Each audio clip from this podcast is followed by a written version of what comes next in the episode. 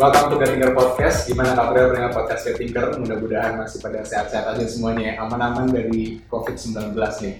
Dan uh, lu kayak nyadar gak sih kayak misalnya semenjak ada COVID ini kan orang makin susah nyari kerja dan segala macamnya dan banyak yang udah mulai sadar kayak kayaknya harus mulai usaha nih gitu kan. Iya betul. Dan kali ini temen gue namanya Amar. Uh, dia adalah seorang entrepreneur dan kali ini gue pengen ngobrol-ngobrol apa sih yang ada di pikiran uh, seorang entrepreneur gitu dan dan apakah dia juga punya keinginan untuk orang-orang lain itu juga masuk ke dunia ini gitu loh. Tapi by the way lu kan sekarang ada bisnis nih uh, Mar di Up All Night Cafe ya nggak sih? Iya. Itu emang udah cita-cita lu dari dulu tuh. Sebenarnya emang dari dulu gue emang pengen usaha sih. Cuman Hmm. Emang ya God works in a mysterious way aja kalau menurut gue sih sebenarnya. Hmm. Soalnya kayak ini nggak pernah direncanain gitu. Awalnya ini cuma kayak tempat kosong gitu dan gue sama salah satu partner gue namanya Arniza dari dulu tuh udah ngomong kayak ini tempat nih harus jadi sesuatu nih gedung lantai tiga ini kan kan lokasinya di Kembangan lantai tiga ini. Hmm. Cuma dulu belum ada rencana, cuma satu dan lain hal. Terus yang kayak tadi gue bilang yang masalah God works in a mysterious way, akhirnya gue ketemu sama partner-partner gue bertujuh dan boom, jadilah ini tempat setelah proses yang lumayan cukup panjang lah.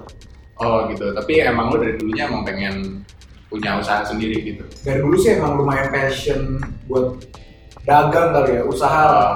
Uh, Dan uh, terbentuknya Apple Might Cafe ini udah udah jadi indikator sukses lo belum sih sebenarnya? sebenarnya belum sih, masih menurut gue ini masih jauh dari kata sukses sih. Terus apa? Lu sukses ketika? Menurut gue, gue sukses dalam segi entrepreneur maksudnya. Hmm. menurut gue, udah sukses ya ini mungkin kelihatannya naif ya cuman kan mumpung ini masih gratis kenapa enggak Asik, ya menurut gue kata gue mencapai kata sukses tuh kalau gue udah menjadi konglomerat sih sebenarnya Kalau udah tajir mampus aja gitu ya. iya ini kalau dari segi entrepreneurnya ya mimpinya sih kayak gitu Alasannya apa lu pengen sukses sukses itu menjadi entrepreneur sampai ke titik itu gitu alasannya apa sih? Ada nggak sih? Karena sebenarnya entrepreneur kalau menurut gue tuh membantu memberikan lapangan pekerjaan sebenarnya gitu sebenarnya Hmm. dan menurut gua ya menurut gua nih menurut gua kan Apolmed masih kecil kan sebenarnya kayak masuk ke UMKM lah mereka nih Apolmed menurut gua dan menurut gua nih justru nih kalau gua lagi sering rapat atau LPS lagi rapat dengan pemegang saham lain tuh gua pribadi yang paling menjadi gua pikirin tuh adalah keberadaan uh, karyawan-karyawan staff gua. Dan menurut gua itu adalah tanggung jawab seorang entrepreneur. Makanya dulu kalau nggak salah dulu pas zaman ini covid baru masuk Indonesia eh pas Sandiaga Uno dulu pernah bilang kalau nggak salah dia bilang ya pokoknya PHK tuh option terakhir. Nah itu kata-kata itu gue pegang terus dan alhamdulillah dari awal ini covid muncul Oktober 2019 ya kalau nggak salah ya. Masuk Indonesia ini mungkin Februari lah sekitar Februari 2019 Maret 2019 gue belum mem-PHK satupun orang dari Apolmed dan menurut gue itu ada achievement kesenangan tersendiri dalam hati gue ya. Dari segi selain segi material secara kayak profit dan lain menurut gue kita nggak melepas satupun karyawan itu adalah achievement buat Apple Mind sih sebenarnya. Struggle-nya gimana tuh bisa sampai mempertahankan? Maksudnya artinya kan kalau misalnya sampai lu nggak nge-PHK karyawan kan artinya cukup stabil kan nih usaha kan. Hmm. ada struggle-nya nggak sih?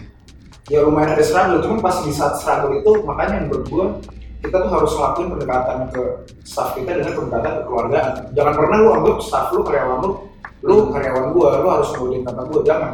Di sini nih semua selain gua doang seluruh shareholder yang lain kita bertujuh selalu nganggap karyawan kita tuh kayak keluarga sebenarnya. Hmm. jadi sering udah after hour tuh kita sering kita bawa ke meeting room di sini kita ngobrol-ngobrol ketawa-ketawa. Hmm. nah di situ akhirnya karena kita pendekatannya udah pendekatan kekeluargaan pendekatan batin kasarnya Hmm. itu makanya pas ada tuh masa-masa paling susahnya uh, uang tuh dulu itu mungkin Mei atau Juni kalau nggak salah itu karena baru pertama kali muncul aturan-aturan PSBB kalau nggak Iya. salah. Nah di situ ya udah kita ngomong secara kekeluargaan aja. Kita bilang waktu itu kita open-openan aja gitu. Waktu itu bilang kayak uh, untuk sementara ini kondisi lagi susah.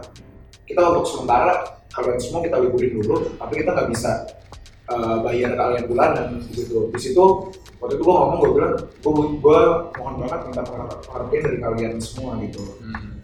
dan terus terus gue bilang kalau misalnya ada keberatan kita nggak apa-apa kok nggak apa-apa banget kalau misalnya ada yang mutusin untuk undur diri atau pindah cari kerjaan lain asal kabarin aja kita biar kita bisa eh, ada backup plan gitu Hmm. dan alhamdulillah yang gue juga kagetnya gak ada satupun keluaran eh, karyawan gue yang mundur diri satu pun.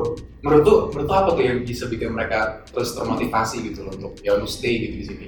sebenarnya pendekatan keluarga itu itu Pendekatan penting. Soalnya susah kalau orang tuh beranggapan gue bos lu karyawan gue ya cukup. Gue bos lu karyawan. Kalau hubungannya sekedar kayak gitu wah sorry eh, bro itu gak bakal berlanjut hubungan kayak gitu. Ah, sebenarnya kayak gitu. Itu pun gue contoh gara-gara waktu itu gue pernah ada mentoring sama orang dia punya FNB juga dulu eh, sekarang di Paku Buwono sama di M Block. Namanya Pak Edgar. Dia Halo, Pak Edgar. Halo Pak Edgar. Kalau semoga Pak Edgar nonton ini. Pak Edgar tuh sebenarnya gue meeting waktu itu beberapa kali dengan Pak Edgar sempat ada kerjasama di sini. Cuma yang gue merhatiin ini Pak Edgar nih cara pendekatan ke staff-staffnya tuh oke banget. Hmm. bahkan kayak dan gue ngeliat itu tahun lalu sekitar tahun lalu gue ngeliat ini gue mau hubungan gue sama staff-staff itu kayak Pak Edgar sama staff-staff gue inget banget Pak Edgar datang ke sini presentasi gitu gitu staff-staffnya nungguin di situ di luar sambil ngerokok-ngerokok ngobrol-ngobrol dan gue mikir ini ini hubungan antara staff dan owner yang gue pingin tuh kayak gitu Oh. kayak kayak teman kasarnya cuman ya sersan lah serius tapi santai kita profesional Ah. tapi di saat kita udah gak profesional ya kita temen aja gitu. Itu sih. Itu makanya makanya hubungan itu ya gue dari Edgar gue contoh banget dan alhamdulillah bisa terbukti bisa ya realisasi lah sekarang. Oh, gitu. Dan lu ya, itu, itu juga nyambung sih kayak, kayak waktu itu juga uh, Bits juga pernah bikin satu podcast tuh judulnya insentif itu kita ngebahas tentang Hasberg Theory. Itu ada ada namanya hygiene factors sama motivator factors kan.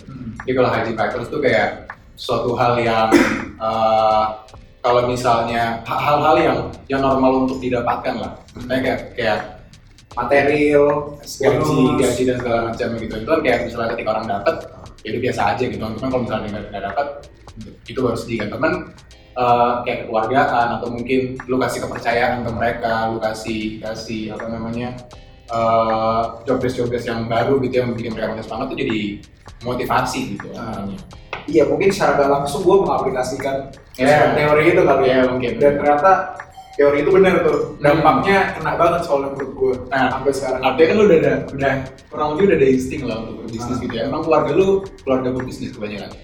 Sebenarnya enggak sih keluarga gue tuh profesional profesional? Oh, dan oh berarti kayak awal-awal lu pengen berbisnis gitu biasanya kalau misalnya orang tua yang kerja kantoran dan segala macam ngeliatan yang bisnis kan kayak agak skeptis gitu kan. betul betul sekali. gimana? Iya, kayak gitu. Kan itu perjalanan panjang sih itu Ah, gimana tuh? ya kayak bahkan sampai detik sekarang mungkin orang tua gue masih nyuruh gue untuk apply kerja sih kerja Oh, dan tapi gue nggak menutup option itu dan orang tua lu nggak ngeliat kesuksesan tempat ini? ya belum masih belum sukses lah ini kan ya kayak tadi gue bilang ini masih jauh dari kata sukses Ah, iya, iya. Nah, cuman ya orang tua gue dari awal tuh dia, dia selalu bilang kalau gue udah punya usaha cobain kerja lah di mana gitu dan Hmm. gue nggak menutup option itu juga dari gue dan gue kalau emang di saat semua usaha-usaha gue udah settle gue emang ada kepikiran untuk apply kerja untuk ngerasain pengalaman 6 bulan sampai setahun gitu sih Oh, untuk kerja tetap ya. Nah, dan lu dulu kuliah apa sih jurusannya? kuliah gue di uh, UI di FE, FEUI Oh, ada, kayak penjurusan lain nggak sih? Itu kan efek kayaknya masih Ah, gue tuh dulu jurusannya akuntansi akuntansi. Lu merasa nyambung nih ke ke bisnis lu sekarang? Lumayan sih dan gue lumayan in charge gede di bagian keuangan ya kayak untuk Hmm. catatannya gitu-gitu Hmm. jadi kayak ya nggak applicable lah Ya, masih masih masih cocok lah apa yang lu pelajarin di di kurang lebih cocok Iya. Terus eh, selama lo ngejalanin bisnis ini kan kayak banyak tuh kalau misalnya gue follow-follow di Instagram gitu kan ada kayak quotes-quotes tentang hard work dan segala macamnya gitu kan. Cuman eh, banyak juga orang yang berpikiran kalau misalnya terlalu hard work tuh kadang kita suka salah langkah karena nggak smart. Dan lu tipe orang yang hard work atau smart work? smart work sih work smart lah Kalau nggak karena gimana? karena ya kasarnya ini kita pakai perumpamaan batu ya Hmm. batu gede nih daripada kita kerja keras banget kita panggil kita sebutlah ada batu ukurannya 50 kilo gitu Hmm. atau 100 lah 100 kilo Hmm. daripada kita panggil empat orang buat angkat bareng-bareng kasarnya mending kita kerja yang smart aja kita misal pakai katrol atau pakai apa kan kalau pakai katrol dia paling butuh dua orang nggak perlu Hmm. orang dan yang di situ ntar muncul namanya efisiensi Hmm. karena nih apalagi di kondisi-kondisi kayak covid kayak gini pandemi kayak gini efisiensi tuh hal yang sangat diperlukan Hmm. di situlah kita sebagai entrepreneur nih kita harus muter otak nih gimana caranya gue mencapai efisiensi gitu sebenarnya sih.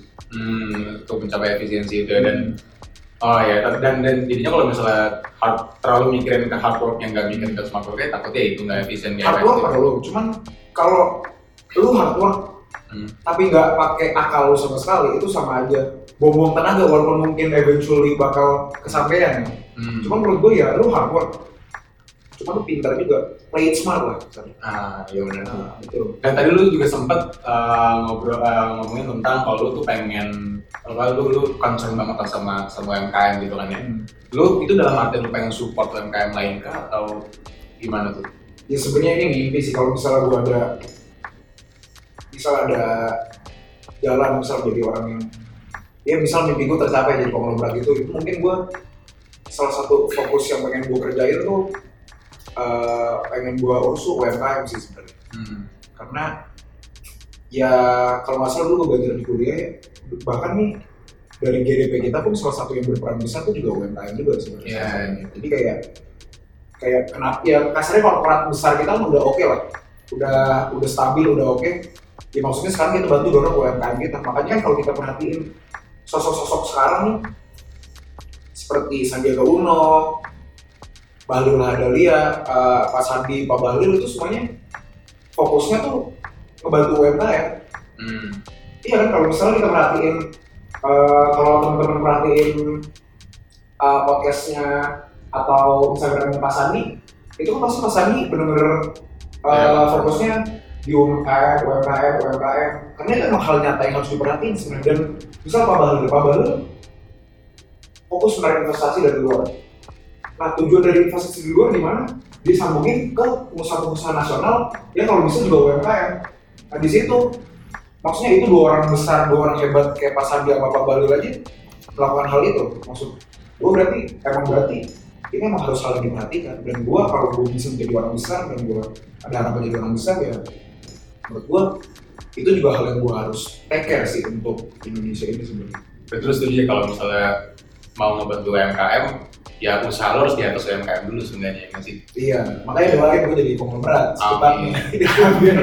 Dan kita bisa bantu-bantu. Iya, tapi kira-kira dengan lu uh, support UMKM tuh ada bisa bisa apa ya, bisa jadi sumber pendapatan baru buat bisnis lu nggak sih? Dengan ada nih uh, one day gitu nanti lu udah bisa support UMKM, ada nggak sih itu jadi jadi stimulus perekonomian juga buat oh pasti. Misal misal UMKM. UMKM kalau kita pakai peri- peribahasa tuh sedikit demi sedikit lama-lama menjadi bukit Hmm. contoh lah UMKM UMKM kayak franchise franchise yang misalnya sebutlah yang di depan Indomaret atau di Alfamart kalau misalnya gue bisa mendirikan eh, salah satu franchise itu misal gue membuat brand Hmm. yang akhirnya di franchise dan akhirnya laku di franchise sama semua Indomaret di Indonesia Hmm. sebutlah di franchise yang gue bikin gue kerjain dua orang Hmm. Nah sebutlah Indomaret dan Alfamart di Indonesia. Totalnya kita sebut kira-kira perkiraannya berapa ya? 150 ribu tuh banyak kan atau sedikit ya? Di Indonesia, di Indonesia Indomaret Alfamart kalau kayak kayak kayak nggak nyampe segitu sih. Nggak tahu sih gue. ya mungkin kita Yang sebut angka perkiraan segitu lah ya. kita sebut angka 150 ribu gitu ya. Nah, misal pekerja gue cuma dua orang. Berarti secara langsung gue udah ngebantu pemberdayaan manusia sebanyak 300 ribu orang. Itu orangnya. itu kenapa UMKM itu sebenarnya kayak domino sebenarnya Hmm. jadi nggak jadi nggak sekedar membantu UMKM itself tapi juga orang-orang yang ya orang mampunya juga bisa dapat betul uh, Betul sekali. pekerjaannya lagi gitu ya. Berarti lu kayak nggak punya kan ada tuh apa sih namanya kayak kayak rich asshole syndrome kalau nggak salah. Jadi itu kalau misalnya orang-orang yang udah punya penghasilan yang banyak banget itu pengen kasih distance nih ke orang-orang yang yang penghasilan tuh agak jauh lah sama dia gitu. Lu ada ngerasa gitu nggak ada ya? Kayaknya nggak ada sih kayak gitu di kalangan-kalangan lu, lu, lu, lu pernah gak sih ngeliat ada kayak orang yang, yang seperti itu gitu dan tanggapan lu ke mereka tuh gimana? kayaknya kalau gue orangnya lebih ke bawah enjoy ya orang Hmm. ya mungkin ada beberapa yang kayak gitu cuma nggak gue terlalu perhatiin karena menurut gue rezeki itu udah diatur sih sebenarnya Oh, iya. mau lu nahan-nahan rezeki buat eh, nggak sampai ke orangnya ya pasti kalau yang udah ada jalan dari yang di atas Ya, bakal kredit juga nah, lancar-lancar aja. Dan lu tadi kan bertujuh nih partner lu di sini kan. Cowok semua tuh atau ada yang cewek? Ada cewek Sam. Ada yang cewek. Lu emang tertarik? Maksudnya ada nggak sih alasan lu yang khusus gitu tertarik untuk partner bisnis sama seorang cewek gitu? Ya pertama kan dia emang etos kerjanya bagus kan. Oh. Ada yang cewek namanya Silva dia etos kerjanya bagus. Dan selain etos kerjanya bagus, kayaknya dengan adanya kombinasi perempuan dalam seorang partner tuh Hmm. lebih rapi kerjanya. Karena kita cowok ini kan kebanyakan gerbang, Iya. gerbuk, gerbang, gerbuk kurang rapi, cuman jadi akhirnya kan. Ah. Nah, cuman kalau ada uh, perempuan tuh lebih by system enak gitu kalau ada, Ah. ada perempuannya. Dan menurut lu uh, urgensi nggak sih? Ah, urgent nggak sih kalau misalnya dari kalangan perempuan tuh untuk juga berbisnis juga gitu loh? Karena kan perlu banget se- soalnya kadang mungkin stigma orang-orang zaman bukan zaman dulu mungkin zaman 2000-an kali mungkin entrepreneur tuh lebih mindsetnya cowok gitu daripada cewek ya. Iya iya. tapi alhamdulillah ya mungkin ini yang kadang gue suka bilang covid ini kadang secara nggak langsung kayak berkah juga Hmm. ini karena ada covid pasti lo merasain kan kayak banyak tiba-tiba orang punya usaha punya usaha apalah gitu Hmm. dan kebanyakan ternyata dia yang bikin usaha nih cewek-cewek sekarang Oh. bikin cookies Oh iya benar benar benar. bikin benar. kopi, bikin untuk yang alat-alat masker itu, Hmm. itu kan kreatif banget dan gue pas Bikin outer corduroy. iya, dan bikin Iya. ini gue gak di endorse ya. Tadi kita berdua pakai Ini kayak ya. kita berdua, kebetulan nih kita gak jadi pada Lu beli di mana? di Beats lu. Gua di bis juga. Oh, Beats yang sponsor ini ya. Iya. Karena gue ini gak di endorse loh, gak dipaksa. Iya. Jadi ya itu apa namanya eh, perempuan-perempuan udah udah menurut lu udah harus bisa eh, masuk ke dunia bisnis juga nih ya. Iya. Mungkin terakhir nih, eh, kan ya ini sebenarnya nggak baru juga sih dari dulu juga kita juga banyak tahu kalau misalnya banyak eh, usaha-usaha tuh yang ada side effect kayak Hmm. kayak ke lingkungan kan dan segala macam gitu kayak misalnya Apple itu ke anak-anak dia sempat eh, memperkerjakan anak-anak tiga tahunan gitu kan terus kayak eh, Amazon gitu juga bisa apa ada beberapa bisnis jadi yang yang berpengaruh ke lingkungan gitu kan Hmm. seberapa besar sih konsum lu eh, dalam berbuat eh, dalam melakukan bisnis gitu lu memperhatikan Jadi maksud gue Apple ini maksudnya eks- berarti berdampak lingkungan eksternalitas lu berarti. Eh, eksternalitas gue Maksudnya dampak lingkungan lah. Iya, iya. Kayak, kayak misalnya eh, contohnya mungkin yang lebih di Indonesia kali ya, eh, palm oil. Ah. Itu kan sempat dapat protes dari Oh berarti dampak lingkungan dalam segi negatif Iya, dalam segi negatif kayak kayak itu kan sempat dapat protes dari eh, Uni Eropa kalau nggak salah dari yang dia memperkerjakan anak-anak di bawah umur terus juga yang lingkungan juga jadi hancur gitu kan. Dan menurut lu eh, sejauh mana sih lu eh, betul-betul concern di bisnis sekarang ini untuk memperhatikan side effect kan dari lingkungan kan atau memperkerjakan yang yang masih di bawah umur kan dan segala macamnya?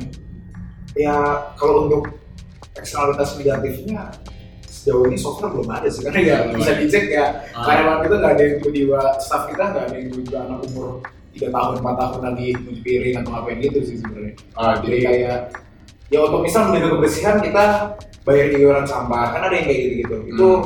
kecuali kita nggak bayar itu kita bikin eksternalitas negatif yaitu dengan membuat lingkungan rumah jadi lebih kotor kan. Tapi kan ini kita bayar iuran yang membuat lingkungan kita juga jadi lebih bersih dan sama-sama kita dibawa semua. Jadi menurut gua Tapi ini kan lu Ada kayak kayak bisnisnya masih di skala kecil kan. Tapi kan lu ada mimpi nih untuk untuk bisnis nanti skalanya makin besar lagi gitu kan. Dan akan ada potensi tuh kayak misalnya untuk hal begitu kan. Sejauh mana berarti nanti integritas lu? ya jujur rasa kemanusiaan gua rada tinggi sih jadi Hmm. eh, sejauh mungkin gue akan menjunjung tinggi prinsip di mana gue mau membawa arah bisnis gue untuk menghasilkan eksternalitas eksternalitas positif bukan Hmm. negatif jadi kalau bisa gue mau membawa dampak-dampak bagus misal sebutlah kalau gue jadi pemain tambang besar Hmm. ya kalau gue habis menggali ya pasti gue bikin danau di situ Ah, itu kan kasar simpelnya ya Hmm. walaupun gue belum jalanin sekarang terus kalau misalnya gue main properti kalau gue main properti ya kasarnya eksternalitas positif yang bisa gue kasih ya misalnya pembangunan fasumnya fasilitas umumnya gue kasih ke uh, penduduk setempat itu kan namanya eksternalitas positif dan Hmm. membantu sama masyarakat Indonesia juga gitu Jadi kalau misalnya di skala kecil sekarang lu udah ada belum eh, eh, apa namanya eh, aksi-aksi kayak gitulah yang udah lo lakukan?